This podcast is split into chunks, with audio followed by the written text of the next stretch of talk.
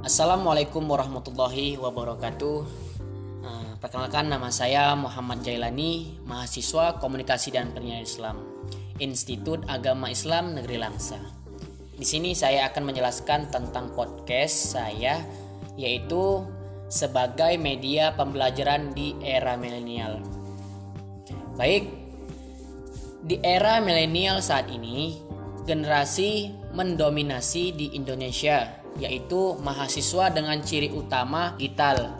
Mereka banyak memanfaatkan teknologi digital dalam seluruh aspek kehidupan mereka.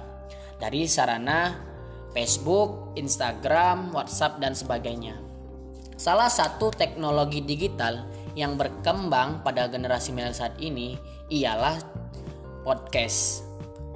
Penggunaan podcast saat ini telah menyentuh pendidikan, yaitu media pembelajaran, Podcast dapat meningkatkan hasil belajar pada beberapa.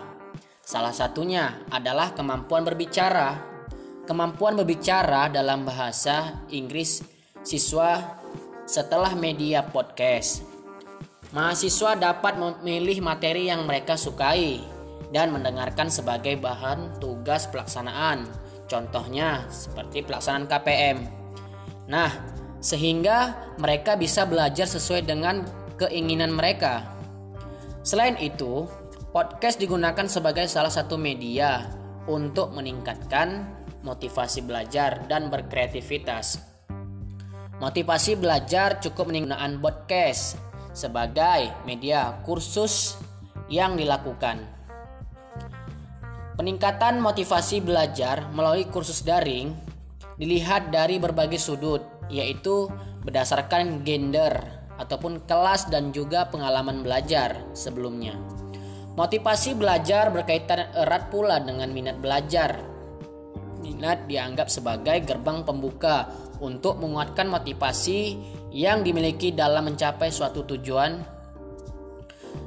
Kemudian, di sini mahasiswa IAIN Langsa saat ini sedang melaksanakan kegiatan KPM atau kerja pengabdian masyarakat yang mana di sini kami mahasiswa dituntut untuk bisa melakukan suatu hasil karya ilmiah.